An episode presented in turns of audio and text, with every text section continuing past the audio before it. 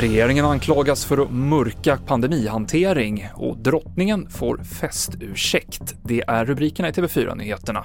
Ja, regeringen anklagas av oppositionen för att mörka information om hur pandemin har hanterats eftersom handlingar från regeringskansliet inte har lämnats ut till Coronakommissionen som ska kartlägga hur pandemin har skötts av regeringen och myndigheter.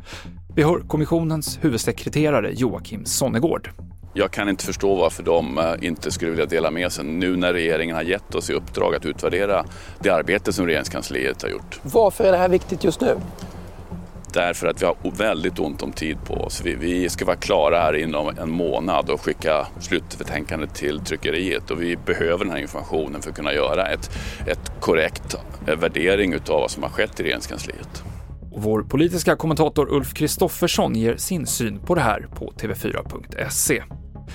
Statsminister Magdalena Andersson har testat positivt för covid-19. Hon uppges må bra och sätter sig nu i karantän. Det här innebär att tre partiledare har testat positivt efter ett möte i förrgår.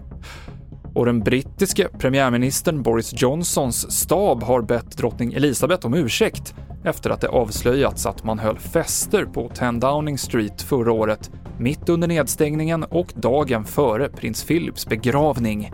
Boris Johnson ska inte själv ha deltagit i de här festerna, men han är redan under hårt tryck efter avslöjanden om flera liknande tillställningar på Downing Street under pandemin. Och Greta Gris är det många småbarnsföräldrar som har tvingats bekanta sig med. Nu finns även Greta Groda. Det handlar om en ny grodart som hittats av forskare i svårtillgänglig regnskog i Panama. Rätten att döpa den här lilla grodan med stora svarta ögon auktionerades ut och vinnaren tyckte att Greta var ett lämpligt val.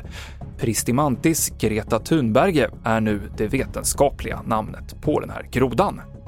Fler nyheter hittar du i vår app TV4 Nyheterna. I studion idag Mikael Klintevall.